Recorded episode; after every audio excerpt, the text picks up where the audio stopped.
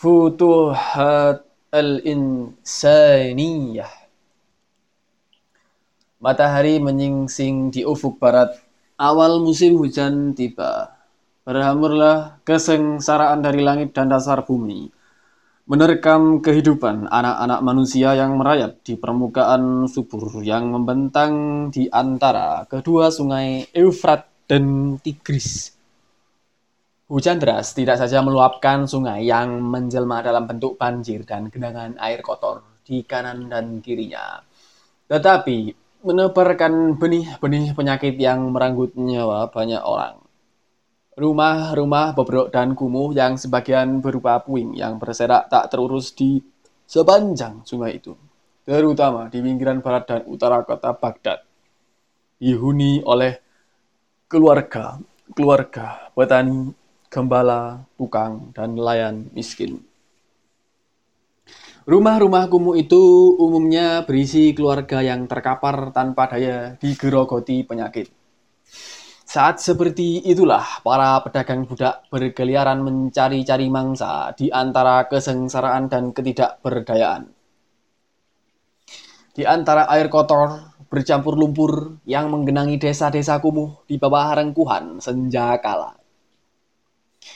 Terlihat dua orang berjalan beriringan berbekal dua kantung uang emas dan perak. Mereka mengetuk pintu-pintu rumah laksana malaikat, membawa rezeki. Mereka membagi-bagikan kepingan uang kepada penghuninya. Kegembiraan dan sukacita pun menghambur dalam bentuk syukur dan linangan air mata dari keluarga-keluarga miskin yang tercekik kesengsaraan. Malaikat penolong itu bagi warga miskin yang menghuni pinggiran Baghdad memang sudah tidak asing lagi. Dia adalah Ahmad At-Tawallud, saudagar kaya yang diberkahi Tuhan dengan sifat dermawan, welas asih, penolong, dan suka menjamu para fakir, anak yatim piatu, dan janda tua. Namun, berbeda dengan kebiasaan sebelumnya, kali ini dia mengajak salah seorang sahabatnya, Abdul Jalil. Setelah berkeliling hingga tengah malam, Abdul Jalil merasa ada yang aneh dengan tugas itu. Sepanjang ingatannya telah beratus-ratus rumah ia hampiri. Telah ia bagikan kepingan uang kepada warga. Jika sebuah rumah berisi keluarga besar, maka ia membagi sekitar 50 keping uang emas dan 100 uang perak. Anehnya, meski beribu-ribu keping ia ambil, uang yang ada di kantong itu sepertinya hanya berkurang, tidak pernah habis. Sebenarnya ia ingin sekali menanyakan hal keanehan kantung uang itu. Namun ia ingat sebelum berangkat tadi, Ahmad At-Tawallud sempat berkata yang intinya menyinggung perjalanan Khidir dan Musa. Yang menjadi penyebab utama berpisahnya Musa dari Khidir adalah ketidakmampuan Musa menahan diri untuk tidak bertanya. Khawatir kata-kata itu dimaksudkan untuk menyindir soal keanehan yang bakal ditemuinya nanti, Abdul Jalil memilih diam meski di kepalanya berkecamuk lingkaran tanda tanya. Ia berusaha keras untuk tidak bertanya-tanya sesuatu pun. Ia menunggu sampai Ahmad At-Tawallud menjelaskan sendiri hal tersebut. Ketika memasuki dini hari, telah hampir seribu rumah mereka datangi dan uang di kantung itu benar-benar tak bersisa. Ahmad At-Tawallud mengajak Abdul Jalil beristirahat di reruntuhan rumah yang sebagian temboknya tinggal puing-puing. Dalam keadaan tubuh diterkam keletihan, ia mengikuti ajakan sahabatnya itu. Di antara runtuhan itu dalam keremangan yang berkabut, ia melihat seorang perempuan tua duduk melamun dikitari domba-domba dan seekor anjing yang kurus kedinginan. Sambil duduk di atas batu yang mencuat di samping runtuhan, Ahmad At-Tawallud menuturkan tentang perempuan tua itu. Perempuan tua itu adalah Citra, putri Baghdad yang sejak zaman purba terkenal dengan kecantikan, keindahan, kesegaran, kesuburan, kemuliaan, dan keagungannya. Putri Baghdad yang menawan, putri Baghdad yang dimahkotai dan ditapalkan di atas singgasana kerajaan dongeng yang membentang di antara dua sungai, yang dilingkari taman-taman dan kebun indah. Berbilang abad kawanan domba, angsa, kijang, anjing, kuda, dan burung menikmati kesuburan indahan Taman Sang Putri yang menebarkan wangi bunga dan rumputan. Para raja dan kesatria gagah berani berlomba memamerkan keperkasaan untuk memperebutkan sang putri. Berbilang raja serta kesatria silih berganti menaklukkan kerajaan dongeng itu dan memahkotai sang putri dengan keagungan dan kemuliaan.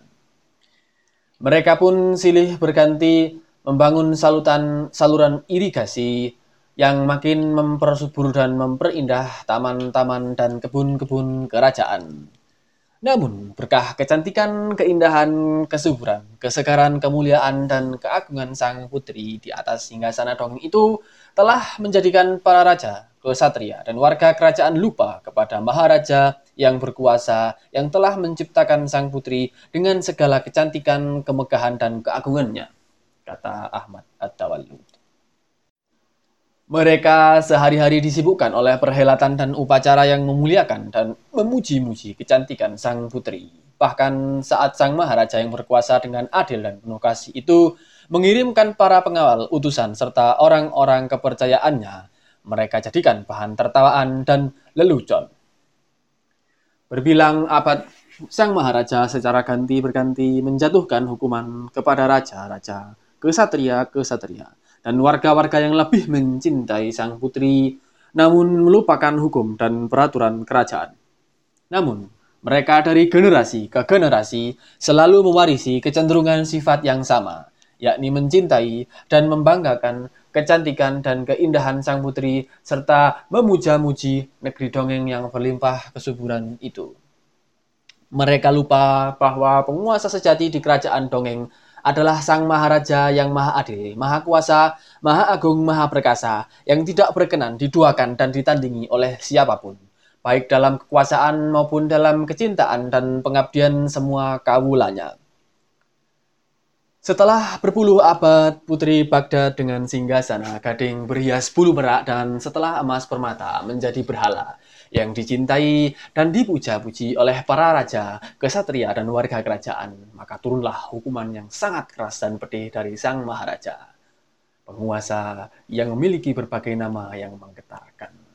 Yang maha menjatuhkan atau al-khafid. Yang maha menyesatkan atau al-mudil. Yang maha membinasakan atau al-mumi. Yang maha menyiksa al-muntakin. Yang maha pemberi bahaya Adzar, sang penguasa tunggal yang berkuasa mutlak atas negeri dongeng beserta seluruh isinya. Tiba-tiba saja kerajaan dongeng yang subur dan indah dengan taman dan kebun itu telah dikepung oleh kaki kuda-kuda tunggangan yang perkasa yang mengembulkan debu dari pengembara biadab asal padang rumput liar Mongolia. Mereka dipimpin oleh Hulagu Khan, anak panglima paling haus darah dalam sejarah kemanusiaan Genghis Khan. Pakai kawanan serigala, begitulah mereka mendobrak-dobrak gerbang kerajaan dan menebar rasa takut ke segala penjuru negeri. Raja, kesatria, dan warga kerajaan dongeng yang terlena menikmati kesuburan negeri dan memuja-muji kecantikan putrinya bergetar ketika mendengar raungan para penyerbu yang haus darah Bulu Roma mereka berdiri mendengar derak gerbang kota kebanggaan mereka didobrak kawanan pengembara liar yang meraung dan melolong bagai serigala. Ketika para penguasa kerajaan masih gemetar dicekam rasa takut dan gentar, para pengembara perkasa yang datang dari relung-relung terdalam kebiadaban itu menebarkan malapetaka kebinasaan. Gemerincing senjata berkumandang di segenap sudut negeri Darah tertumpah memerahkan tanah dan air sungai. Jerit kematian mengumandang ke angkasa. Derak tiang-tiang kayu yang runtuh di mangsa api bersahut-sahutan dari ujung satu ke ujung kota yang lain. Pakai sarang semut dibinasakan, begitulah keindahan, kesuburan, kesegaran, dan kemuliaan negeri dongeng itu diluluh lantakkan dengan kejaman tiada tara. Hari-hari hukuman dari Sang Maharaja adalah hari-hari paling mengerikan dalam sejarah kemanusiaan. Para pengembara biadab yang tak kenal ampun itu mencabuti nyawa para kesatria dan warga negeri. Seluruh bangunan istana dan kota mereka ratakan dengan tanah. Saluran-saluran air yang menghidupi taman dan kebun kerajaan tak luput dari kehancuran. Bahkan putri Baghdad yang cantik jelita subur molek dan memikat itu dijadikan alat pemuas nafsu jalan mereka. Sang putri dijarah dan diperkosa dengan penuh kekerasan dan kekejaman hingga air matanya yang hitam menodai sungai Tigris. Siang dan malam hanya jerit kematian dan gemerincing senjata yang mengumandang bersahut-sahutan dari sudut kota hingga lembah, gunung, serta hutan-hutan. Itulah cerita Putri Baghdad yang sudah lapuk dimakan usia dan telah mengenyam pahit dan getir kehidupan, kata Ahmad At-Tawalud. Kini tinggal sekawanan domba dan seekor anjing kurus yang setia menunggunya. Sekarang dia hanya seorang perempuan tua. Meski gurat-gurat kecantikan masih tersisa di wajahnya, dia tidak secantik dan semenarik dulu. Taman-taman dan kebun-kebun yang menghiasi mahligai kerajaan pun sudah berlalu. Jika musim kering datang, meranalah tanah itu menjadi dataran tandus yang hanya digunakan sebagai lintasan bagi para gembala ke padang rumput di ujung gunung. Saat musim hujan meluaplah banjir dengan genangan air kotor beserta penyakit. Keagungan, kemuliaan, kelimpah ruaan keindahan, dan kemakmuran yang pernah dicurahkan ke atas negeri dongeng dengan putrinya yang menawan itu kini sirna. Menurut pandanganku, tragedi yang menimpa Putri Baghdad dan singgasana dongeng beserta seluruh penghuni kerajaan adalah akibat kealpaan mereka kepada sang Maharaja. Hari-hari mereka disibukkan dengan urusan duniawi, terutama memuja sang putri. Mereka lalai terhadap perintah Maharaja agar seluruh penghuni negeri bertasbih memujinya, baik siang maupun malam. Quran Surat Toha 130 Mereka terpesona oleh bunga kehidupan dunia yang sebenarnya hanyalah ujian darinya semata yang sedikit pun tidak boleh dijadikan tujuan kedua mata. Quran Surat Toha 131. Bahkan mereka lupa pada peringatan Sang Maharaja yang memberikan ancaman kepada mereka yang mencintai segala sesuatu selain dia, utusannya dan jalannya. Quran Surat At-Taubah 24 Demikianlah para penghuni negeri yang dilimpahi kemakmuran itu luluh lantak, ditimpa murka Sang Maharaja katanya mengakhiri cerita.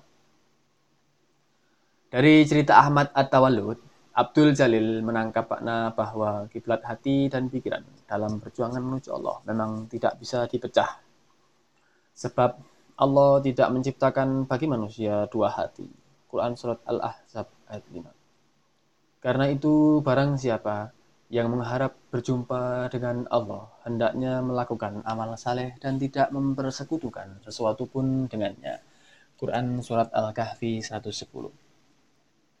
Penderitaan pedih yang dialami warga negeri dongeng itu adalah akibat kecintaan yang berlebihan kepada sang putri, pujaan sehingga mereka lupa kepada sang maharaja. Ini Putri Baghdad telah menjadi tua, renta, dan lelah melewati lintasan waktu yang begitu panjang dan penuh derita. Raja demi raja bergantian memahkotai kecantikan dan kesuburannya. Namun, semua raja memiliki kebiasaan yang sama. Menganggap Baghdad sebagai putri cantik yang menawan dan menjadikannya rebutan. Setiap pemenang akan memperkosa dan menjarahnya habis-habisan tanpa sisa. Bahkan di usianya yang tua, Baghdad yang sudah terseok-seok itu tetap menarik perhatian para lelaki perkasa untuk memperebutkan dan menjadikannya sebagai sundal yang bermanfaat untuk mengeruk keuntungan. Keheningan dini hari telah turun menutupi putri Baghdad Cahaya rembulan yang menyinari bumi hanya membias di atap-atap bangunan raksasa dan kubah-kubah masjid. Selimut kabut memenuhi lorong-lorong dan permukaan bumi. Hening mencekam, sunyi menerkam. Abdul Jalil dengan terkantuk-kantuk mengikuti langkah Ahmad Atawan menembusi keheningan jalan becek berlumpur. Pada dini hari yang dingin itu, sayup-sayup terdengar suara orang-orang berzikir menyebut asma Allah. Semula ia menganggap suara zikir itu sebagai hal yang lazim dilakukan oleh jamaah-jamaah tarekat yang jumlahnya cukup banyak di Baghdad. Namun, semakin lama didengarkan, semakin menimbulkan tanda tanya besar. Entah benar, entah tidak, seolah-olah suara zikir itu berbunyi Subhani, Alhamdulillah, La ilaha illa ana wa ana al-akbar fa'budni. Artinya, Maha suci aku, segala puji untukku. Tidak ada Tuhan selain aku. Maha besar aku, sembahlah aku. Khawatir terjebak dalam khayal dan mimpi akibat kantuk, Abdul Jalil menggeleng-gelengkan kepala sambil mengusap-usap kedua matanya, berusaha berada pada kondisi sadar seutuhnya. Keanehan mendadak kembali mencekam kesadarannya. Telinganya dengan jelas mendengar zikir yang mengumandang itu berubah bunyi Subhanallah, Alhamdulillah, La ilaha illallah, Allah Akbar fa'buduhu. Maha suci Allah, segala puji milik Allah, tidak ada Tuhan selain Allah. Allah Maha Besar, sembahlah dia. Namun lagi-lagi, bunyi aneh kembali terdengar yaitu dalam ke dalam hatinya menangkap suara zikir itu berubah bunyi aneh subhani alhamdulillah la ilaha illa ana wa ana al akbar fa'budni. Selarasan antara pendengaran telinga indriawi dan pendengaran batin membuatnya bingung. Berulang-ulang ia mengusap mata dan terbatuk-batuk untuk meningkatkan kesadaran. Namun, ketidakselarasan suara zikir itu makin terdengar terang dan jelas.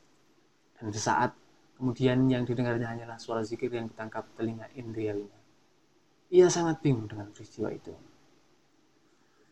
Ahmad At-Tawallud yang berjalan di depan tampaknya menangkap Sasmita yang dialami Abdul Jalil.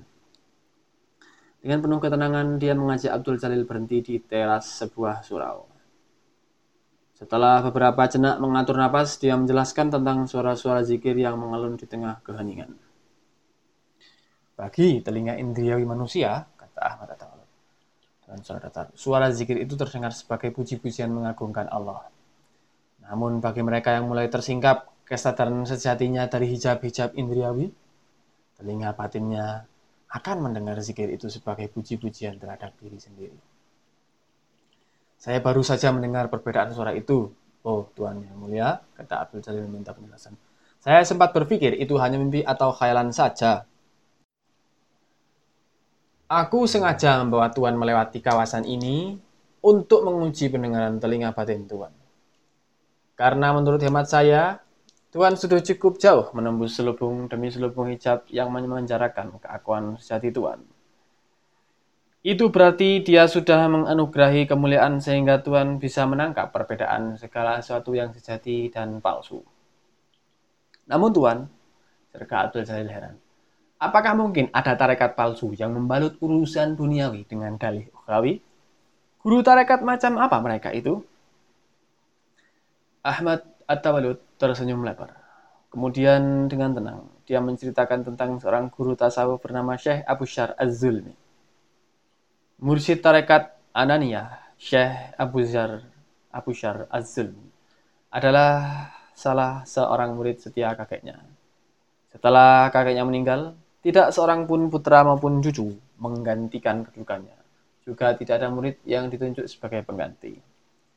Murid-murid itu berlomba membentuk jamaah sendiri-sendiri. Untuk memperkuat keberadaan diri sebagai guru tarekat, tanpa rasa malu sedikit pun, mereka saling mengaku sebagai khalifah yang ditunjuk kakekku.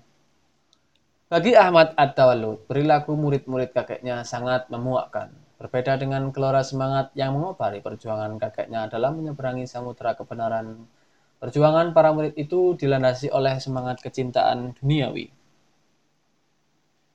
Mereka menabalkan diri sebagai mursyid yang menentukan arah kebenaran bagi pengikut-pengikutnya. Mereka menebarkan pandangan bahwa mereka adalah kekasih Allah yang bisa memberi limpahan berkah kepada siapa saja yang dikehendakinya. Dan sebaliknya bisa mendatangkan laknat dan kutukan dari Allah kepada siapa saja yang mencemoohkan dan tidak menghargai mereka. Celakanya di antara murid satu dan yang lain saling berlomba menjelek-jelekkan dan memfitnah dengan tujuan utama memenangkan persaingan untuk beroleh pengikut paling banyak. Di antara murid-murid kakeknya, Ahmad At-Tawalud paling banyak mengamati perilaku Syekh Abu Syar Az-Zulmi. Sebab selain lokasi pesulukannya dekat, dia juga yang paling licik kelakuannya. Pertama, Syekh Abu Syar Az-Zulmi dan pengikutnya menyebarkan berita bahwa dialah satu-satunya murid yang diangkat sebagai khalifah oleh gurunya. Padahal Syekh Abdul Mubdi Al-Baghdadi, gurunya, tidak pernah mengangkatnya menjadi khalifah. Tentang hal ini, Baik keluarga kakeknya maupun seluruh murid sepakat bahwa Abu Syar Az-Zulmi berbohong. Kedua, Syekh Abu Syar Az-Zulmi dengan dukungan para pengikutnya memperkuat pandangan masyarakat melalui cerita-cerita menakjubkan berkait dengan berbagai karomah yang ada pada dirinya. Padahal segala cerita tentang karomah yang disebarkan itu isapan jempol belaka Ketika setiap bulan, tepatnya saat purnama, Syekh Abu Syar Az-Zulmi mengajak murid-muridnya melakukan ziarah sekaligus zikir berjamaah di makam Syekh Abdul Mubdi Al-Baghdadi. Seusai zikir, dia biasanya mengarang bermacam cerita dengan mengaitkan keberadaan dirinya dengan perintah-perintah rahasia dari arwah Syekh Abdul Mubdi Al-Baghdadi. Keempat, Syekh Abu Syar Az-Zulmi terbukti sering melakukan tipu daya kepada masyarakat awam yang menjadi pengikutnya. Mereka secara bergantian diwajibkan memenuhi kebutuhan pesulukannya baik dalam bentuk gandum, daging, roti, rempah-rempah, uang, dan bahkan pakaian. Bahkan anak-anak perempuan pengikutnya yang cantik-cantik diperistri oleh guru tengik itu. Alasan utamanya adalah dia akan melimpahkan barokah dan karomah bagi pengikutnya yang patuh dan menimpakan laknat serta kutukan bagi yang menantang kehendaknya. Kelima, untuk mengukuhkan diri sebagai mursyid sekaligus memperbanyak pengikut, Syekh Abu Syar Al-Zulmi menanamkan doktrin bahwa hanya tarekat inilah yang paling benar. Setiap anggota tarekat dijamin masuk surga dan mereka bisa memberikan syafaat kepada sembilan orang keluarga terdekat. Bertolak dari penilaianku itulah, oh Tuhan, kata Ahmad At-Tawalud. Aku melihat keberadaan Syekh Abu Syar al-Zulmi dan tarekat Ananiyah yang dipimpinnya sebagai sesuatu yang aneh dalam pandangan sufi. Sehari-hari misalnya mereka lewati dengan memuja dan memuji diri sendiri serta mencaci maki tarekat lain. Dalam berbagai perbincangan, mereka terkenal sangat mendalam pengetahuan ruhaninya. Namun hasrat hati mereka sangat cenderung berpamrih duniawi. Mereka benar-benar licin, pakai serigala berbulu domba. Ketahuilah, oh Tuhan, lanjutnya tabir yang menutupi hati Syekh Abu Syar al-Zulmi adalah yang disebut ra'in, yakni tabir kekufuran dan kesesatan yang tak bisa disingkap kecuali dengan cahaya iman. Ia terperangkap ke dalam lingkaran penjara jiwa gelap tanpa cahaya, sebagaimana firman Allah. Sebenarnya apa yang selalu mereka usahakan itu menutupi mata hati mereka. Quran Surat Al-Mutaffifin ayat 14. Jadi, mengerikan sekali keberadaan Syekh Abu Syar Az-Zulmi itu. Namun Tuhan, kenapa hati Syekh Abu Syar Az-Zulmi bisa tertabiri kekufuran dan kesesatan? Abdul Jalil heran. Bukankah dia muslim? Apakah Tuhan mengira setiap orang yang mengaku muslim, bahkan ulama, hatinya tidak bisa tertabiri oleh tirai kekufuran dan kesesatan? Ahmad At-Tawalid balik bertanya. Tidak ada yang tidak mungkin Tuhan kata Abdul Jalil. Namun bagaimana hal itu bisa terjadi setelah dia beroleh cahaya iman? Tidak semua orang yang mengaku muslim beroleh karunia cahaya iman dari Allah. Seringkali keislaman seseorang diperoleh karena latar keturunan.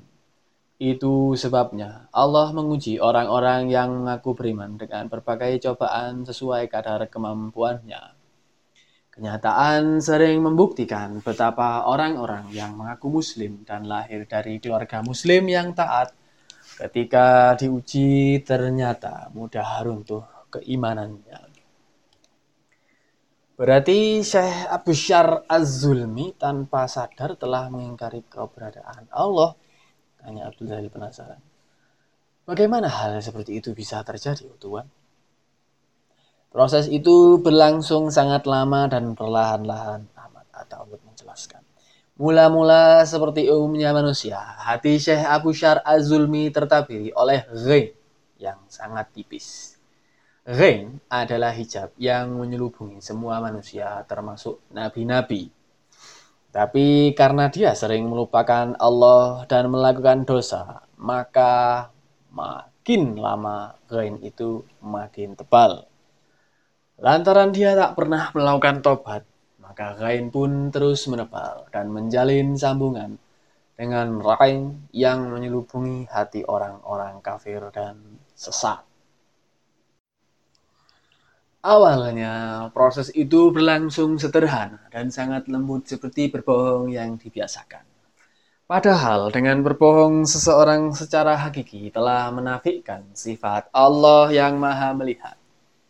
Jika awalnya hanya menafikan, maka lama-kelamaan orang itu akan mengabaikan dan bahkan tidak meyakini hari berhisapan di akhirat. Bohong demi bohong dilakukan, berarti dosa demi dosa telah dilakukan. Sebab dengan berbohong ia telah terkondisi oleh keadaan jiwa, seolah-olah Allah tidak mengetahui perbuatan dosa-dosanya. Ujung dari proses itu adalah mengingkari keberadaan Allah. Setelah melewati proses yang lama, yang ada bagi pembohong dan penipu adalah dirinya sendiri. Itu sebabnya alih-alih pembohong itu mulutnya berzikir mengingat Allah, sungguhnya hati dan pikirannya berzikir untuk mengingat keberadaan dirinya sendiri. Artinya secara hakiki dia telah menjadi pemuja nafsnya sendiri. Dia telah memuja kepada selain Allah. Al-insan sirri wa ana sirruhu. Manusia adalah rahasiaku dan aku adalah rahasianya. Meski singkat, hadis Rasulullah ini mengandung makna yang luar biasa dahsyat tentang misteri yang menyelubungi keberadaan manusia. Berbagai pengalaman hidup yang dialami Abdul Jalil terutama yang terkait dengan keberadaan orang-orang yang pernah dikenalnya memberikan pemahaman baru yang sama sekali berbeda dari pandangan masyarakat awam. Benar-benar rahasia Allah yang luar biasa menakjubkan orang-orang yang dikasihinya ditampakkan kepada dunia dalam wujud tak terduga, yakni manusia bernama Ahmad Mubasyarah At-Tawallud, saudagar kaya, pemilik puluhan kapal dagang dan kedai di bandar-bandar pelabuhan yang tersebar di berbagai negeri yang selalu disibuki oleh urusan-urusan perniagaan. Sementara penipu tengik yang terhijab darinya justru ditampakkan dalam wujud beliau yang terhormat guru tarekat yang penuh barokah dan karomah seperti Syekh Abu Syar Az-Zulun. Selama setahun lebih menjalin keakraban dengan Ahmad At-Tawallud, Abdul Jalil mendapati bahwa sahabat yang juga pembimbing ruhaninya itu adalah salah seorang hamba yang dikasihinya. Kesimpulan ini diambil setelah ia melihat perilaku Ahmad At-Tawallud terbebas dari pamrih pribadi dari kepemilikan baik harta benda maupun keluarga, dari rasa takut, dari rasa sedih dan kecewa, dan dari sejumlah peristiwa adi duniawi yang terjadi di luar kehendaknya. Abdul Jalil menyadari penampakan mereka yang dikasihnya merupakan salah satu bagian dari tersingkapnya hijab yang menyelubungi keakuannya. Getaran-getaran halus dan lembut yang memancar dalam ke dalam lubuk hatinya bagaikan matahari terbit dari kegelapan menerangi cakrawala perasaan dan pikirannya. Seolah-olah ada sesuatu dalam dirinya yang memberitahu, mengarahkan, menasihati, dan membimbing perasaan dan pikirannya dalam memaknai sesuatu. Perubahan-perubahan yang dialaminya itu diceritakan kepada Ahmad At-Tawallud, sahabatnya, itu dengan bahasa metaforik, menjelaskan bahwa apa yang dialaminya itu ibarat orang berjalan dari tempat gelap menuju terang, ke arah sumber cahaya. Setiap langkah mendekati sumber cahaya, ungkap Ahmad At-Tawallud, akan membawa pencerahan. Dengan demikian, setiap langkah maju ke arahnya, identik dengan tersingkapnya hijab-hijab sekarang ini engkau berada pada perbatasan antara Az-Zawaid dan Lawami sebagai akibat dari tersingkapnya fawaid. Zawaid adalah terlimpahnya cahaya ilahi ke dalam kalbu yang membuat ruhanimu tercerahkan. Lawami adalah mengejawantahnya cahaya ruhani akibat tersingkapnya fawaid. Sedangkan yang dimaksud fawaid adalah memancarnya potensi pemahaman ruh karena hijab-hijab yang menyelubungnya telah tersingkap. Pada tahap inilah engkau akan menjadi berbeda dengan seumumnya manusia karena engkau memahami sesuatu dengan fawaid yang sudah tersingkap selubung hijabnya. Di sini engkau akan menjadi cerdas tanpa belajar dan tanpa membaca buku Apakah fawaid bisa terbungkus lubung hijab lagi? Tanya Abdul Jalil.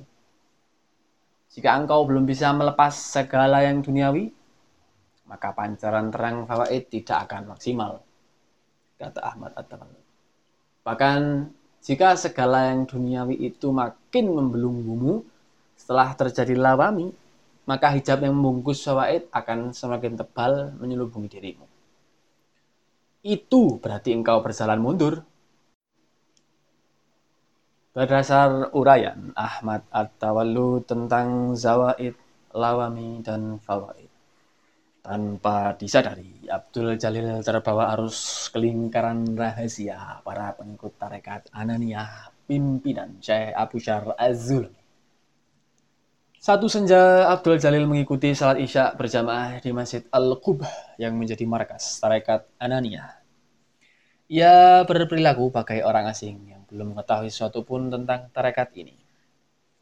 Sesu seusai sholat, ia berkenalan dengan beberapa jamaah, salah satunya bernama Ibnu Mustawif yang aku sebagai murid terkasih Syekh Abu Syar Az-Zulmi. Selama beberapa jenak berbicara, kecernihan hati Abdul Jalil yang memancarkan cahaya lawami dan dapat memahami sesuatu melalui fawaid menangkap isyarat bahwa lawan bicaranya adalah pembual besar yang sangat kacau pemahamannya tentang jalan ruhani.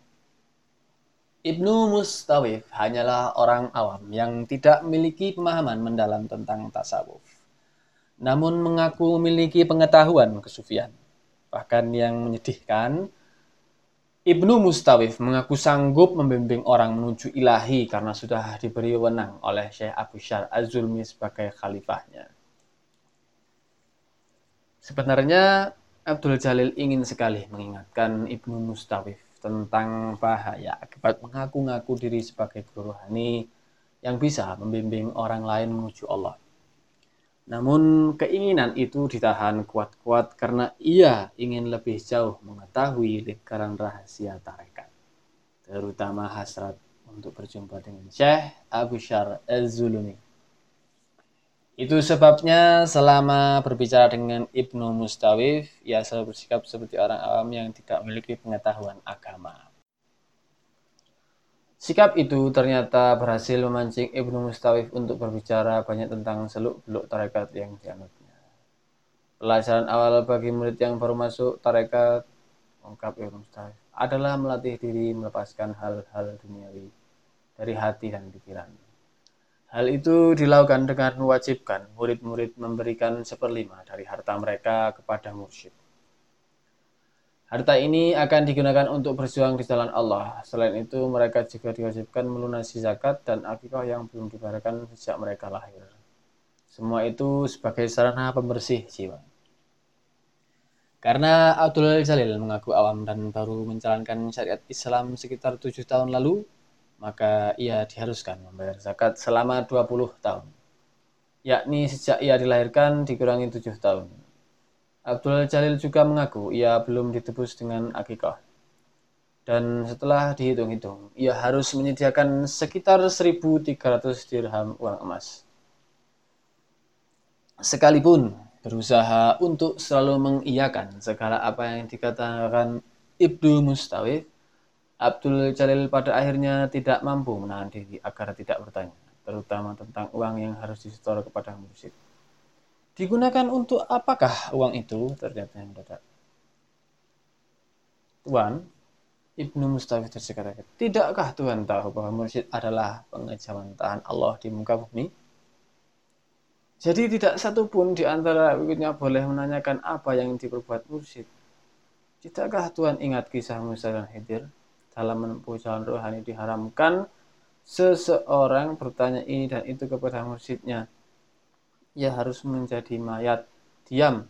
Terserah apa kehendak mursyid. Jika tidak, berarti ia telah gagal.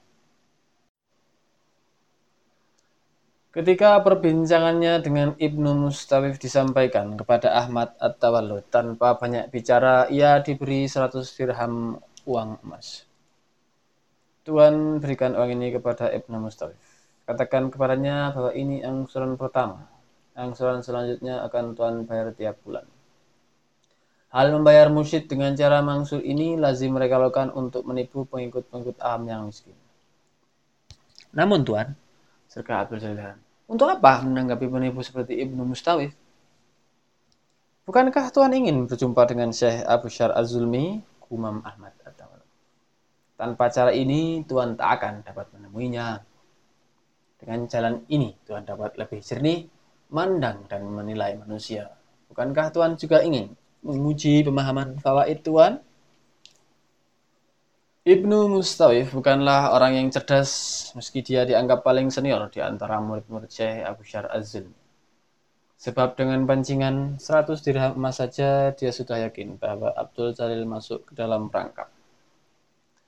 Hal itu setidaknya terlihat dari sikap Ibnu Mustawif yang begitu terbuka menjelaskan berbagai hal bersifat propaganda tentang tarekat dan musyid panutannya. Tanpa diminta, dia menuturkan bahwa mursyid yang dijadikan sandaran jalan rohaninya itu memiliki pengikut orang-orang berpangkat yang dihormati masyarakat. Bahkan sejumlah keluarga Sultan Bayazid diam-diam mengikuti tarakat Anania.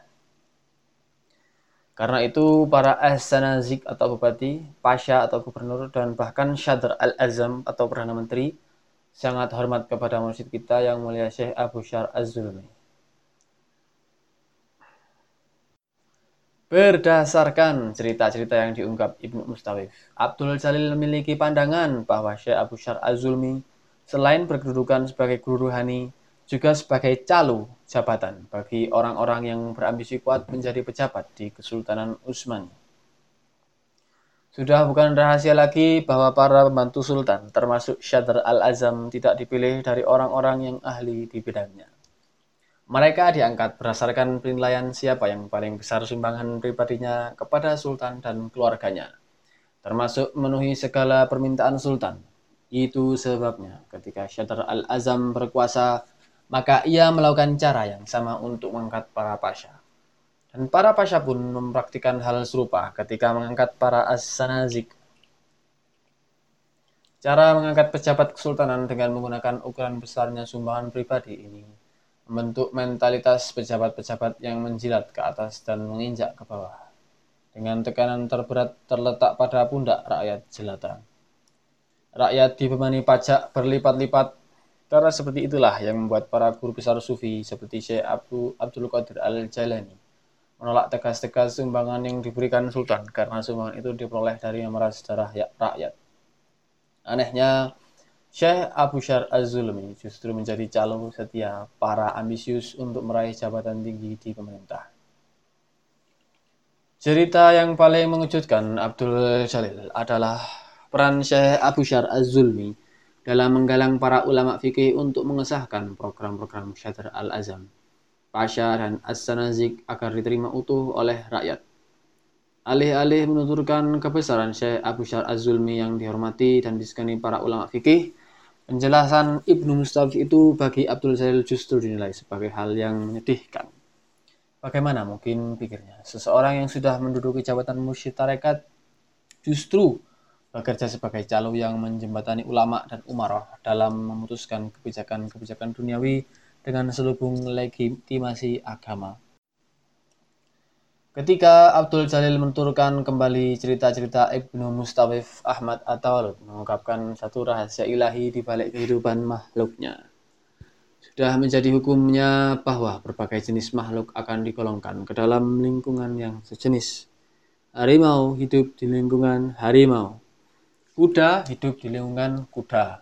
Domba hidup di lingkungan domba. Anjing hidup di lingkungan anjing. Tikus hidup di lingkungan tikus karena itu jangan gampang terkecoh oleh ucapan tikus yang dengan pengah mengatakan bahwa dirinya adalah bagian dari kawanan harimau. Untuk mengetahui berjenis-jenis makhluk dalam kehidupan manusia memang sulit karena manusia satu dengan manusia yang lain terselubungi hijab. Hanya mereka yang sudah tersingkap fawaid dan terpancar cahaya lawami saja yang dapat melihat hakikat masing-masing manusia. Apakah menurut Tuan para Astanazi, Pasha, Syedar al-Azam, bahkan Sultan dan keluarganya pun bukan orang yang baik? Tanya Abdul yang minta penjelasan. Bagiku, setiap orang yang mencintai kekuasaan dan benda-benda duniawi, termasuk mencintai keluarga secara berlebihan, adalah orang yang tidak baik. Tidakkah Tuhan tahu bahwa Sultan Bayezid adalah orang yang sangat ambisius dan pecinta duniawi sehingga tega menista wasiat yang ditetapkan ayahandanya Sultan Muhammad Al-Fatih? Sebelum Sultan Muhammad Al-Fatih wafat, ia berwasiat agar yang diangkat menjadi sultan mengganti dirinya adalah putranya terkecil, Jamun. Namun Bayezid selaku putra sulung mempersetankan wasiat itu. Dia naik tahta dan menyingkirkan adiknya terjadi perang seru antara dua kekuatan. Setelah berperang selama tujuh tahun, kekuatan Jamun hancur. Tanpa kenal belas kasih, Bayezid membinasakan Jamun dan sisa-sisa pengikutnya serta memburu semua simpatisannya. Siapa yang menanam akan menuai. Itulah hukum ilahi. Sekarang ini saat Sultan Bayezid beranjak tua dan menunjuk Ahmad putra sulungnya sebagai penggantinya kelak Justru ia ditentang oleh Salim, putranya yang paling kecil. Hanya Allah yang tahu bagaimana akhir pertarungan antara dubuk atau anjing hutan dan burung nazar itu dalam memperebutkan bangkai duniawi dari hewan buas bernama Kesultanan Turki Utsmani. Mendengar uraian Ahmad At-Tawallud Abdul Jalil hanya mengangguk-angguk. Ia sendiri pernah mengalami betapa manusia bisa menjadi serigala buas yang berbahaya ketika dimabuk ambisi kekuasaan. Ingatan tentang adik ibunda angkatnya, Resi Bungsu berkelebat. Abdul Jalil tidak tahu lagi bagaimana nasib pemandanya itu. Apakah masih hidup atau sudah mati. Diam-diam, ia kehilangan semangat untuk bertemu dengan Syekh Abu Syar Az-Zulmi. Ia merasa musyid tarekat Anania itu adalah bagian dari kawanan dubuk dan burung nazar. Atau bisa jadi dia hanya cacing yang ikut berpesta pura menikmati kelezatan bangkai kekuasaan duniawi. Meski sudah kehilangan hasrat untuk bertemu Syekh Abu Syar Az-Zulmi, kumparan nasib menentukan lain. Tanpa pernah diduga, tiba-tiba ia berjumpa dengan Syekh Abu Syar Az-Zulmi saat berpamitan dengan Ibnu Mustawi seusai sholat Isya. Rupanya Syekh Abu Syar Az-Zulmi malam itu mengajar di Masjid Al-Qubah. Ibnu Mustawif berusaha agar Abdul Jalil bersedia duduk barang sebentar untuk mendengarkan ceramah mursyidnya. Ibnu Mustawif berusaha agar Abdul Jalil bersedia duduk barang sebentar untuk mendengarkan ceramah mursyidnya. Aku mohon untuk yang pertama dan mungkin yang terakhir. Tuhan harus mendengarkan fatwa-fatwa Tuanku Syekh. Tuhan akan menyaksikan sendiri Betapa luas tak terbatasnya samudera pengetahuan Tuanku Syekh Ibnu Mustawif memohon. Untuk menghargai Ibnu Mustawif sekaligus membuktikan kebenaran kisah Ahmad At-Tawalud. Abdul Jalil akhirnya setuju tinggal lebih lama di Masjid Al-Qubah. Namun saat Syekh Abu Syar Az-Zulmi naik ke mimbar dan mulai ceramah dengan puja dan puji kepada Allah dan salawat kepada Rasulullah, tiba-tiba Abdul Jalil menyaksikan kilasan citra yang sebenarnya dari keberadaan pemimpin tarekat itu. Ketika hijab mewujudnya sebagai manusia, singkap. Yang tampak adalah wujud burung nazar. Sedikit kemudian wujud burung nazar itu berubah lagi menjadi manusia. Namun dalam citra yang licik, tidak jujur, rakus, bengis, dan menyimpan kejahatan di kedalangan hatinya. Wajah Syekh Abu Syar Azulm yang tirus dengan kening tinggi dipahami Abdul Jalil sebagai manusia yang memiliki watak keras dan berpikiran sempit. Matanya yang cekung seperti menyimpan lautan kebencian, gunung ketakaburan, rimba ketidakjujuran, gurun kerakusan, dan matahari kecemburuan. Hidungnya yang bengkok seperti para jawali bagai menyimpan sejuta lakon sandiwara dunia yang penuh kecurangan dan kelicikan.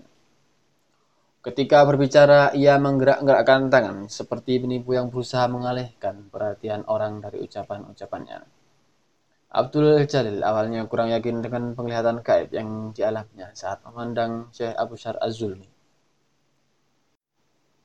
Ia ragu apakah itu pandangan yang berasal dari pemahaman fawaid dan pancaran nur lawami atau sekedar ilusi membias dari relung-relung jiwanya akibat mendengar cerita Ahmad At-Tawallud.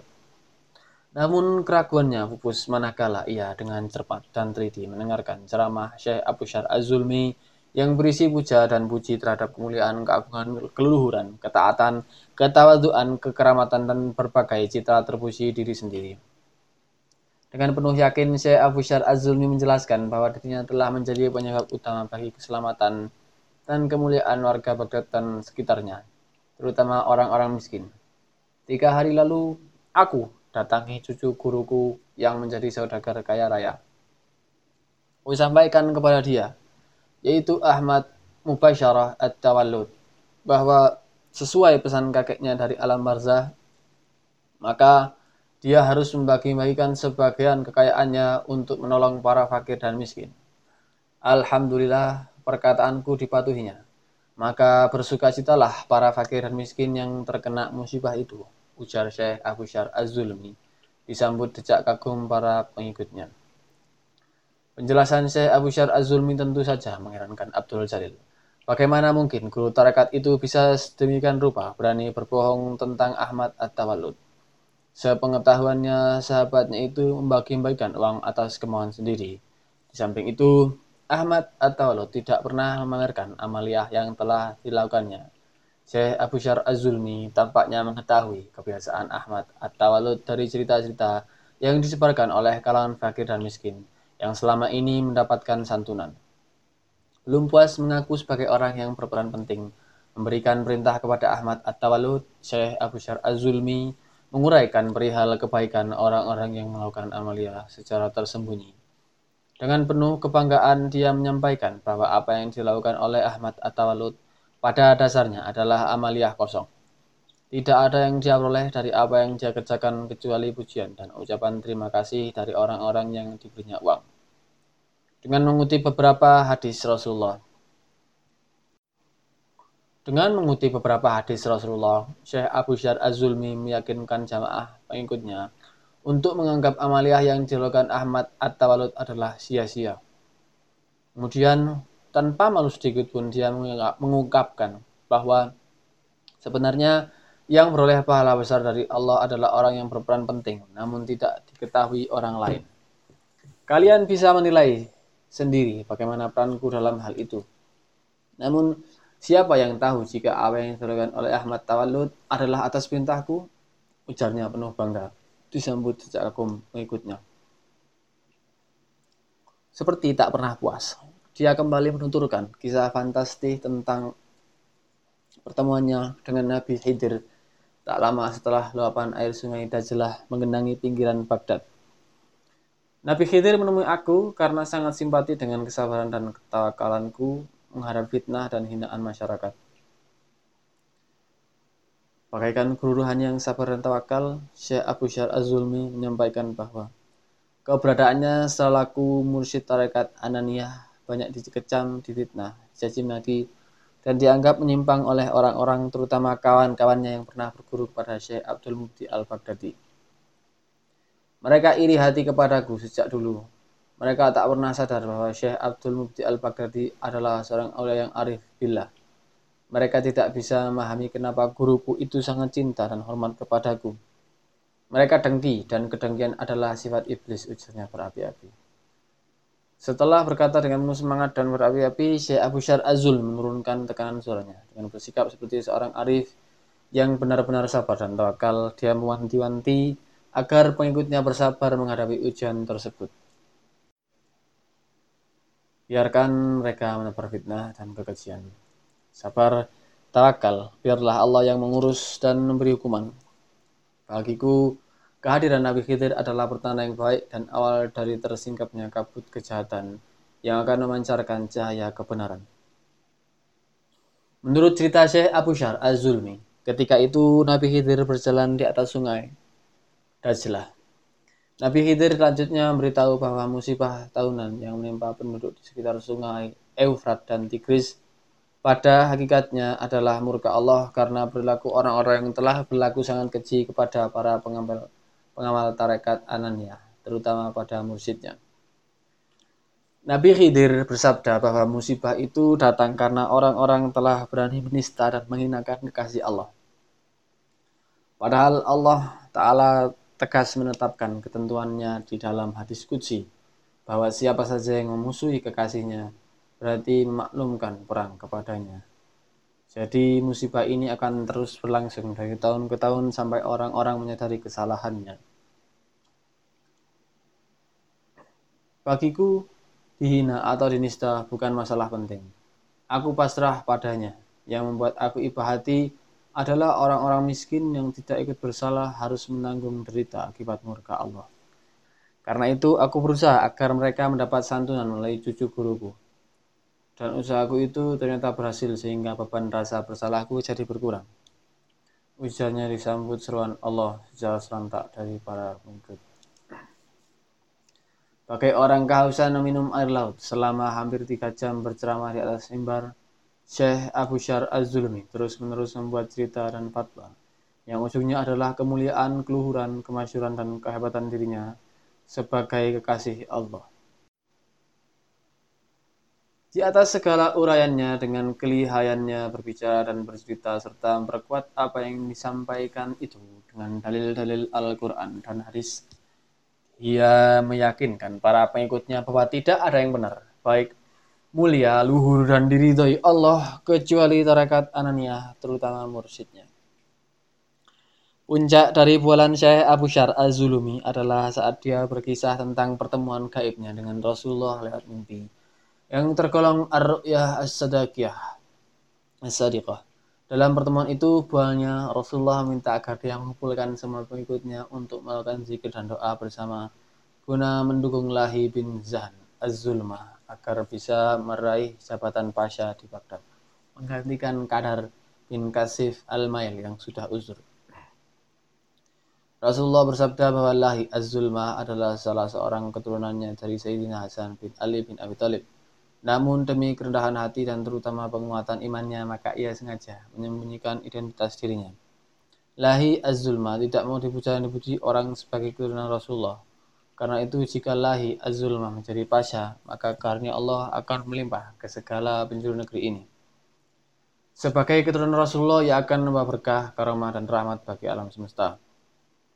Abdul Jalil yang tekun mendengar Kan segala bualan itu terkejut dan mendengar nama Lahi Azulma. Disebut-sebut sebagai keturunan Rasulullah. Lebih terkejut lagi ketika Syekh Abu Syar Azulma menyebutkan sebagai calon pasha di Baghdad. Padahal berdasar keterangan dari Ahmad At-Tawallud, manusia bernama Lahi Azulma adalah pedagang budak yang licik, keji, dan nista perbuatannya. Abdul Jalil masih ingat benar betapa sepanjang perjalanan membagi-bagi uang emas dan perak di pinggiran Baghdad. Ahmad At-Tawalud menuturkan bahwa Lahi Azulma pun melakukan hal yang sama. Bedanya dia mendatangi rumah-rumah keluarga miskin dengan itikat menabur piutang. Keluarga-keluarga miskin yang didatanginya adalah mereka yang memiliki anak-anak kecil dan menginjak remaja.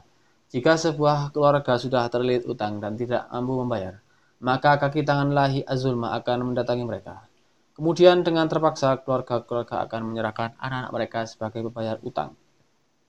Lazimnya, dia akan memberi sedikit tambahan uang kepada keluarga itu sebagai tanda bahwa anak-anak mereka telah sah menjadi miliknya untuk dijadikan hamba sahaya. Jika di antara hamba-hamba sahaya itu ada yang berwajah cantik, maka lahi azulmah akan menikmati mereka sepuas-puasnya dulu. Jika ada yang hamil, maka mereka akan dikirim ke penampungan khusus hingga melahirkan. Kemudian perempuan-perempuan itu langsung dijual sebagai budak belian. Sementara bayi mereka akan diasuh dan dididik sebagai calon pedagang budak. Dalam peroleh budak lahi azulmah, tidak hanya menggunakan cara menebar piutang di kalangan keluarga miskin. Dia juga beroleh barang dagangan dari jumlah perwira militer yang menjadi pemasoknya. Bahkan budak-budak perempuan, para perbudak itu umumnya cantik-cantik dan sangat mahal. Budak-budak itu diperoleh dari rampasan perang di daerah bergolak di kawasan Macedonia, Salonika, Semenanjung Mauria, Sofia, Serbia, Albania, Bisnak, Maghiar, dan ya. Berbekal budak-budak cantik, Lahi Azulmah dikenal pula sebagai pemasok gula-gula pemanis di kalangan pejabat sultan. Para pejabat yang merindukan jabatan tinggi akan menggunakan jasa Lahi Azulmah dalam urusan memuaskan keluarga sultan dan perdana menteri. Dengan budak-budak perempuan itu juga dia berhasil memerangkap sejumlah ulama ke dalam jaringan terkutuknya. Ulama yang masuk ke dalam jaringan terkutuk itu lazimnya mendapat tugas khusus, yaitu mensahkan secara fikih seluruh kebijakan penguasa sekaligus mendukung pelaksanaan kebijakan tersebut. Meski sering kali tampak sangat dipaksakan. Ahmad At-Tawalut sendiri tidak mau menilai baik buruknya manusia bernama Lahi Az-Zulmah itu. Sebaliknya, dia menyatakan bahwa keberadaan lahi azulmah bagi mereka yang sudah tercerahkan merupakan bukti keagungan Allah. Mengikuti kerangka berpikir Ahmad Atawalud diam-diam Abdul Jalil berusaha memuji kebesaran dia, sang mencipta yang telah mencipta makhluk tengik seperti lahi azulmah dan juga makhluk yang tak kalah tengik yakni Abu Syar azulmi. Namun berbeda dengan Ahmad Atalu dalam memuja kebesarannya, Abdul Jalil tetap belum sepenuhnya ikhlas li Allah bi Allah. Bagaimanapun pikiran dan perasaannya tetap menyatakan bahwa kedua makhluk itu terutama Abu Syar Az-Zulmi adalah tengik. Bagaimana tidak tengik, pikirnya sudah suka mengaku-ngaku amaliah orang lain, gila pujian, waham kebesaran diri, ternyata masih berani mencatut kemuliaan Rasulullah untuk tujuan politis murahan. Sebenarnya ingin sekali ia berdiri kemudian mengumpat dan mencaci guru tarekat palsu itu di depan para pengikutnya. Namun sekuat tenaga ditahannya keinginan itu, ia berusaha memuji kebesaran Allah yang telah mencipta makhluk seperti Abu Syar Az-Zulmi. Di mata Abdul Jalil, sekalipun Syekh Abu Syar Az-Zulmi memamerkan keindahan dan kemegahan dirinya bagaikan burung merak, dia tetaplah seperti burung nazar yang menakutkan. Guru tarekat palsu ini adalah orang yang berbahaya karena telah menggiring domba gembalanya ke puncak gunung Ananiah yang penuh serigala dan hewan buas lain yang haus darah. Orang itu harus dihentikan, begitu pikirnya berulang-ulang. Setelah mulai kelihatan letih, Syekh Abu Syar Azulmi berhenti sejenak. Tidak sebagai mana biasanya tiba-tiba dia memberi kesempatan kepada jamaah pengikutnya untuk bertanya tentang hal-hal yang belum dipahami dari ceramahnya. Abdul Jalil tidak menyia-nyiakan kesempatan bagus ini. Secepat kilat ia membentangkan busur akal, kemudian dengan cekatan memasang anak panah dengan lidahnya yang tajam dan pakai panglima perang maju ke medan laga menghadapi musuh, ia membidikkan panah ke arah Syekh Abu Syar Az-Zulmi. Tuan Syekh, apakah lahi Az-Zulma yang Tuan maksud adalah pedagang budak yang tinggal di seberang barat rumah Tuan Ahmad Mubasyarah atau Walud? Benar, sahut Abu Syar Azulmi mengerutkan kening. Dialah yang kumaksudkan sebagai calon pasha di Baghdad. Apakah Tuan Syekh tidak keliru mendoakan manusia celaka seperti Lahi Azulma? Seru Abdul Jalil berapi-api. Sepengetahuan saya, Lahi Azulma. Sepengetahuan saya, Lahi Azulma adalah manusia licik, jahat, keji dan nista perbuatannya. Dialah manusia kecil yang telah merenggut anak-anak dari dekapan orang tuanya. Dialah manusia licik yang menebar jerat bagi si miskin dengan perangkap piutang.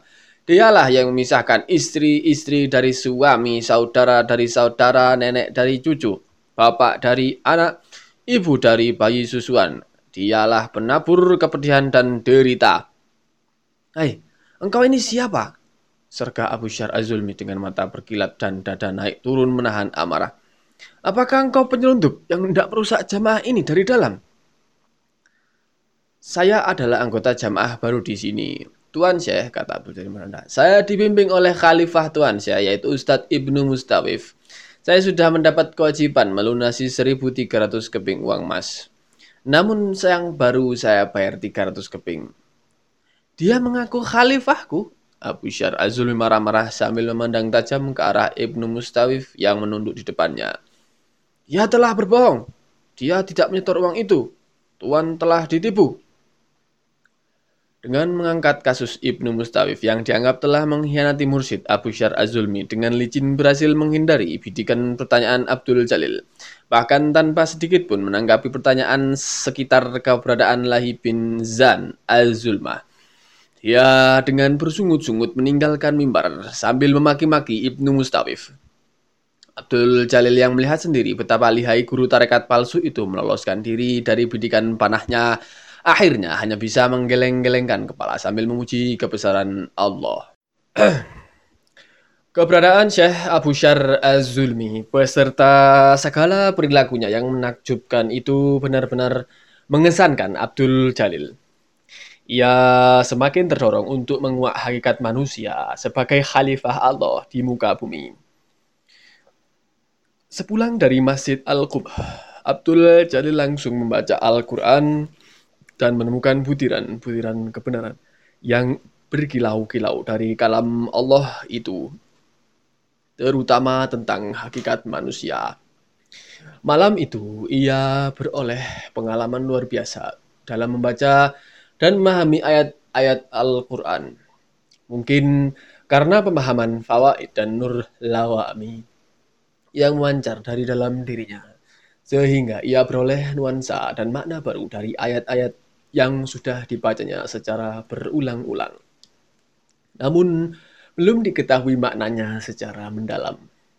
Ia mendapati betapa ayat-ayat yang dibaca itu seolah-olah mengungkapkan sendiri makna keberadaannya sebagai kalam Allah. Ia menangkap sasmita bahwa ayat-ayat Al-Quran itu bagaikan sesuatu yang hidup dan bisa berhubungan secara ruhani dengannya, meski hanya dalam beberapa kejap mata.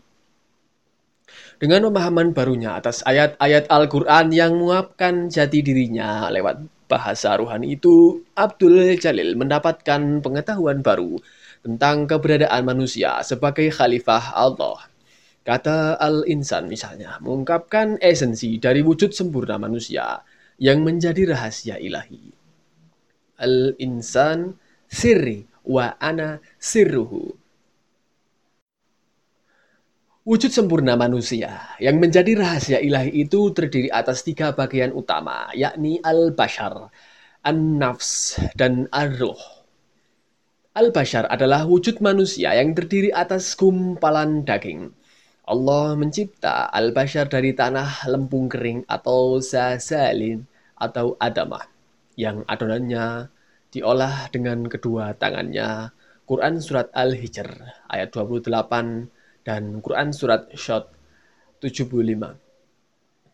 Al-Bashar sendiri mengacu pada makna dioleh, diolah, diolah olehnya dengan kelembutan atau al-mubasyarah. Al-Bashar yang terbentuk dari bahan tanah atau atin inilah yang oleh iblis dianggap lebih rendah derajatnya daripada dirinya yang terbentuk dari bahan api. Quran Surat Sot 76 Iblis tidak mengetahui rahasia di balik keberadaan Al-Bashar sebagai ciptaan baru yang diberinya anugerah kemuliaan sebagai khalifah Allah An-nafs adalah daya kehidupan atau al-hayu yang bersifat netral. Ia mudah terpengaruh pada lingkungan di mana ia berada. An-nafs memaknai keberadaan al-bashar, sekaligus al-bashar mempengaruhi an-nafs. Tanpa an-nafs, maka al-bashar hanyalah gumpalan lempung kering.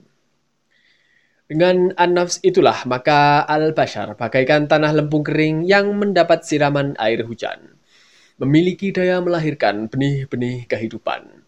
An-nafs membangkitkan dorongan-dorongan naluriah sehingga al-bashar menyadari keberadaannya sebagai bagian dari dunia materi yang membutuhkan materi lain untuk memperkukuh keberadaannya. An-nafs inilah citra diri ego, jiwa, keakuan. An-nafs yang kedudukannya dekat dengan al-bashar di alam indriawi disebut dengan an-nafs al-hayawaniyah yang menempati tataran paling rendah dari kemanusiaan atau asfalas safilin. Quran Surat At-Tin ayat 5. Karena cenderung mendorong naluri al-bashar untuk menuju alam materi. Ar-Ruh adalah tiupan suci ilahi yang diembuskan Allah ke dalam al-bashar. Nafahtu fihi min atau Quran surat 72 Quran surat Al-Hijr 29 kepada al-bashar itulah seluruh malaikat diperintahkan untuk bersujud. Ar-ruh yang tidak dicipta adalah hakikat yang terpuji atau al-hakikat al-muhammadiyah. Pada tataran ini ruh bersifat murni suci bebas dari materialitas inilah yang disebut ruh al-haq Ruh yang dicipta adalah ruh al-idhafi, yakni ruh yang memiliki sifat ilahiyah sekaligus manusiawi. Dengan ar-ruh inilah al-bashar memiliki kesadaran atau sir. Ar-ruh tidak berada di dalam atau di luar tubuh al-bashar. Ia tidak terikat tetapi juga tidak terlepas bebas. Ar-ruh ada di luar namun juga ada di dalam. Lantaran ar berasal dari tiupan suci ilahi dalam kata nafahtu, maka ar secara alami selalu cenderung menarik kesadaran manusia untuk kembali kepada Allah. Keberadaan manusia sebagai kesatuan entitas dari al-bashar, an-nafs, dan ar secara alamiah akan terperangkap pada dualitas sifat yang saling bertentangan. Al-Bashar dengan dorongan an-nafs yang berada dekat dengannya cenderung ke arah sifat-sifat duniawi yang materialistik, sedangkan arroh cenderung melepaskan segala pengaruh duniawi yang materialistik untuk hanya kembali kepada Allah. Pergulatan manusia dalam kehidupan di dunia pada dasarnya adalah pertarungan internal antara dorongan-dorongan naluriah al-bashar dengan an-nafs di satu pihak dan melawan tarikan aruh di pihak lain. Dengan memahami keberadaan manusia sebagai kesatuan entitas, Abdul Jalil menarik kesimpulan bahwa Abu Syar Az-Zulmi adalah manusia yang sudah kalah dalam pertarungan internal. Abu Syar Az-Zulmi sudah jauh terseret kekukusan terendah dari dunia materi dia adalah citra dari manusia yang hidup di bawah kendali naluriah al-bashar dan an-nafs. Citra burung nazar pada Abu Syar Az-Zulmi yang sempat ditangkap dengan mata batin Abdul Jalil adalah citra nafs al-hayawaniyah yang bersimahara jelela menguasai dirinya. Lantaran pemahaman baru inilah, ia dapat memahami penjelasan Ahmad At-Tawallud yang menunjukkan Abu Syar Az-Zulmi sebagai orang yang hatinya ditutupi oleh rain. Tindakan apa pun yang diusahakan oleh orang-orang yang tertutupi tabur rain hanya akan mendatangkan tabir bagi hatinya. Quran Surat Al-Mutaffifin ayat 14 Setelah menelaah Abu Syar Az-Zulmi, Abdul Jalil kemudian menelaah dirinya sendiri, terutama perjalanan panjangnya dalam mencari dia ia mendapati bahwa pada dasarnya ia belum sepenuhnya secara utuh mengikuti tarikan arroh untuk kembali kepada sumbernya. Berbagai pertimbangan yang berasal dari akal budinya dilatari Anas masih sangat kuat mengendalikan kehidupannya. Ia mengungkap-ungkap, merenung-renung, menghitung-hitung, dan menelaah berbagai kecenderungan jiwa yang pernah dirasakan dan dilakukannya sebagai amalia dalam kehidupannya selama ini. Setelah merenung cukup lama, ia menemukan jawaban bahwa an-nafs adalah suatu fenomena kehidupan jiwa yang mengantarai arwah dan al-bashar. Lantaran itu, an-nafs memiliki kecenderungan berada pada titik terendah saat ia dekat al-bashar dan cenderung berada pada tingkat yang tertinggi saat dekat dengan al-ruh. Ini berarti tingkatan-tingkatan an-nafs dari al-bashar ke ar-ruh adalah nafs al-hayawaniyah, nafs al-amarah, nafs al-lawamah, nafs al-mulhamah, nafs al-mutmainnah, nafs al-mardiyah, nafs al-qudsiyah. Nafs al-qudsiyah inilah yang dekat dengan ruh al-idhafi, sehingga ia menjadi suci dan selalu dinapasi oleh ruh al-idhafi untuk senantiasa mengingatnya. Dan ruh al-idhafi pun selalu dinapasi oleh ruh al-haq Abdul Jalil sendiri belum mengetahui di mana posisi dirinya, namun ia sangat sadar bahwa ia masih terperangkap ke dalam lingkaran An-Nafs. Sambil narik nafas panjang, ia menggumam sendiri dengan penuh sesal dan kepasrahan. Oh ilahi betapa panjang dan berliku jalan yang kutempuh untuk menuju engkau. Namun setelah sekian jauh dan penuh cerita, kudapati diriku baru berputar-putar pada lingkaran nafsuku sendiri. Betapa jauh Betapa bodoh aku selama ini. Malam itu bagaikan tak kenal lelah ia membaca Al-Quran sampai tuntas hingga menjelang subuh. Selama membaca, ia mengesampingkan berbagai dorongan akal budinya, baik yang terkait dengan pahala maupun makna harfiah ayat demi ayat. Beberapa kali ia mengalami peristiwa aneh berupa munculnya makna hakiki Al-Quran dari kalam al-lafzi menjadi kalam an-nafs. Al-Quran adalah kalam hidup, mengejawantah, real, maujud. Namun pengalaman itu berlangsung sangat singkat, sehingga ia tak mampu membedakan apakah yang dialaminya itu mimpi, khayal, atau kenyataan sejati. Melepas keakuan pribadi, sabar, setia, dan pasrah adalah pintu gerbang utama yang harus dilampaui dalam perjalanan menuju yang wujud.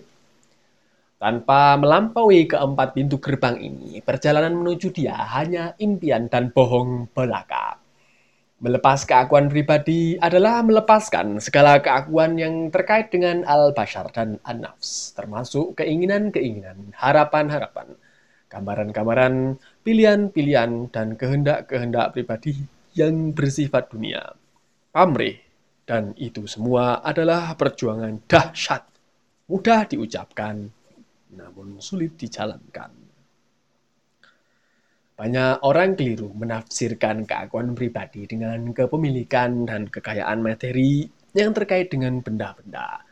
Melepas keakuan pribadi sering diartikan sekedar melepaskan diri dari benda-benda dan miskin secara lahiriah. Padahal yang dimaksud dengan melepaskan keakuan pribadi adalah suatu keadaan real dari kesadaran diri yang menyadari secara pikiran dan perasaan bahwa segala sesuatu yang tergelar di sekitar kita bukanlah milik kita, rumah, anak, istri, keluarga, benda-benda kehormatan, harga diri, bahkan tubuh dan nyawa pun bukanlah milik kita. Itu sebabnya proses pelepasan ini tidak bisa disebut zuhud karena sesungguhnya tidak ada yang lepas atau ditinggalkan dari orang yang tidak memiliki sesuatu. Selama melampaui pintu gerbang, pelepasan keakuan pribadi, seseorang harus sabar. Sebab di situ ia akan mengalami keadaan di mana dia harus menerima pilihan-pilihan dan kehendak yang sering kali bertentangan dengan pilihan dan kehendaknya sendiri. Sering ia harus menerima suatu pilihan yang tidak disukainya. Namun, dia harus tetap sabar dalam menerima pilihannya dan kehendaknya, Seorang salik yang berjuang melepaskan keakuan pribadi tidak boleh mengeluh. Sebab mengeluh adalah ungkapan rasa tidak sabar. Yang dimaksud setia adalah keteguhan sikap di dalam melintasi gerbang keakuan pribadi menuju terminal akhir, yakni yang wujud. Berbagai hambatan dan rintangan yang menghalangi perjalanan menujunya tidak boleh disimpangkan ke arah selain dia. Kesetiaan pada jalan yang ditempuh akan membawa ke arah pintu gerbang kepasrahan, yakni gerbang paling ujung di dalam perjuangan menuju dia. Melintasi keempat gerbang pelepasan untuk menuju dia memang bukan pekerjaan mudah. Di setiap gerbang pelepasan itu seorang salik sudah dihadang oleh anafs, beserta derivat-derivat yang menjaga gerbang. Anafs penjaga derivat-derivatnya itu laksana panglima perang beserta bala tentaranya. Di tiap gerbang pelepasan itulah seorang salik harus berjuang pantang menyerah untuk menaklukkan para penghadang. Jika dalam pertempuran itu salik terluka, maka ia tidak boleh mengeluh kesakitan, apalagi merengek-rengek minta dikasihani seorang salik harus yakin bahwa dia akan mengirimkan tabib sekaligus penghibur untuk mengobati kepedihan jiwanya. Keyakinan, ketakutan, kecintaan, dan harapan yang ditujukan hanya kepadanya adalah modal utama bagi seorang salik agar bisa tetap setia pada jalannya. Tidak peduli besarnya jumlah musuh, luka-luka, darah, rasa sakit, pedih, dan derita yang dialami dalam melintasi setiap gerbang seorang salik wajib setia mengikuti jalannya.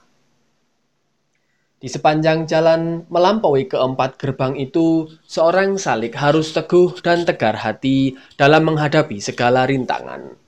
Meski tubuh jiwa penuh luka berdarah, seorang salik sejati akan tetap melangkah tegap dengan hati berbunga-bunga sebagai kesatria perkasa menuju bentengnya sambil menyanyikan lagu-lagu perjuangan. Menyingkirlah kalian semua, hei pasukan Al-Bashar dan Anafs dari bentengnya. Sungguhnya semua raja jika memasuki suatu negeri niscaya akan membinasakan dan menjadikan penduduknya yang mulia menjadi hina. Quran Surat An-Naml 34 Menyingkirlah kalian dari bentengnya. Jika melawan, maka kalian akan menjadi tawanan-tawanan yang hina. Dialah Maha Raja Tunggal Perkasa Mutlak. Aku hanya akan mengabdi kepadanya. Dia adalah tujuan akhirku. Demi dia, ku perangi kalian semua. Ketika keheningan merayapi malam, saat para panglima Al-Bashar dan Anams beserta bala tentaranya beristirahat dan menyembuhkan luka-luka mereka. Maka sang salik berusaha memasuki bentengnya dengan pedang zikir perisai istighfar dan baju zirah solawat.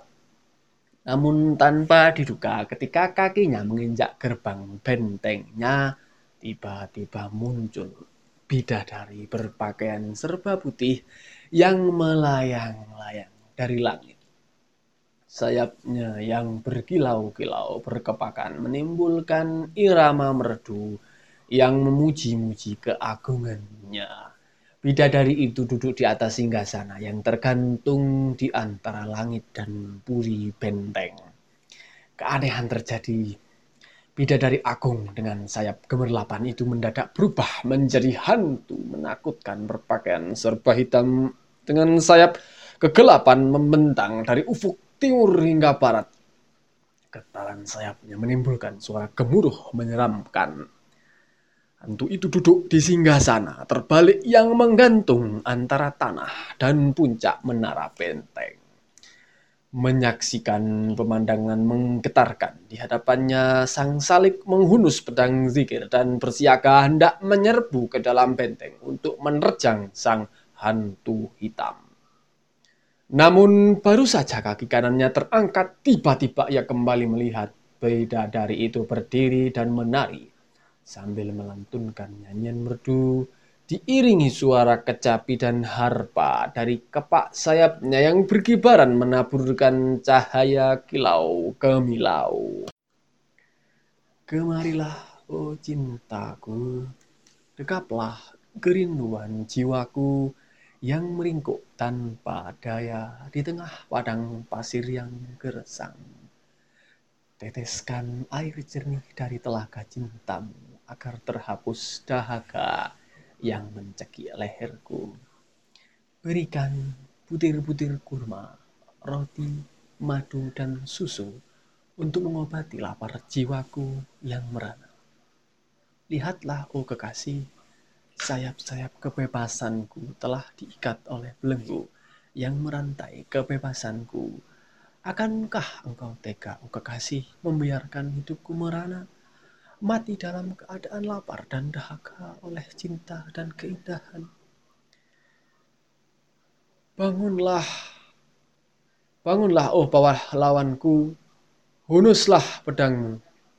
Bebaskan aku dari penjara derita yang menyiksa ini biarlah kita nanti akan menari dan menyanyi di padang cinta. Kita akan berlarian dengan sayap-sayap terkepak bebas. Kita akan menjadi raja dan ratu yang duduk di atas singgasana cinta kita yang abadi. Kemarilah, oh kekasih. Pengalaman menakjubkan dalam bentuk mubasyirah yang sangat mengagumkan itu buyar. Pakai halimun tersapu cahaya matahari ketika azan subuh berkumandang dari menara masjid. Abdul Jalil pakai tersadar dari mimpi buruk bergegas mengambil air wudhu. Ia menemukan kesadaran baru tentang dirinya yang masih terikat oleh lingkaran anafs. Ia sadar belum bisa masuki benteng tempat sang raja bersemayam. Namun sebagai salik yang sudah kenyang dengan pahit dan getir perjuangan menujunya, ia tetap bertekad bulat untuk membebaskan benteng persemayaman sang raja dari kekuasaan tiran insania yang didukung kekuatan bala tentara al-Bashar dan An-Nafs.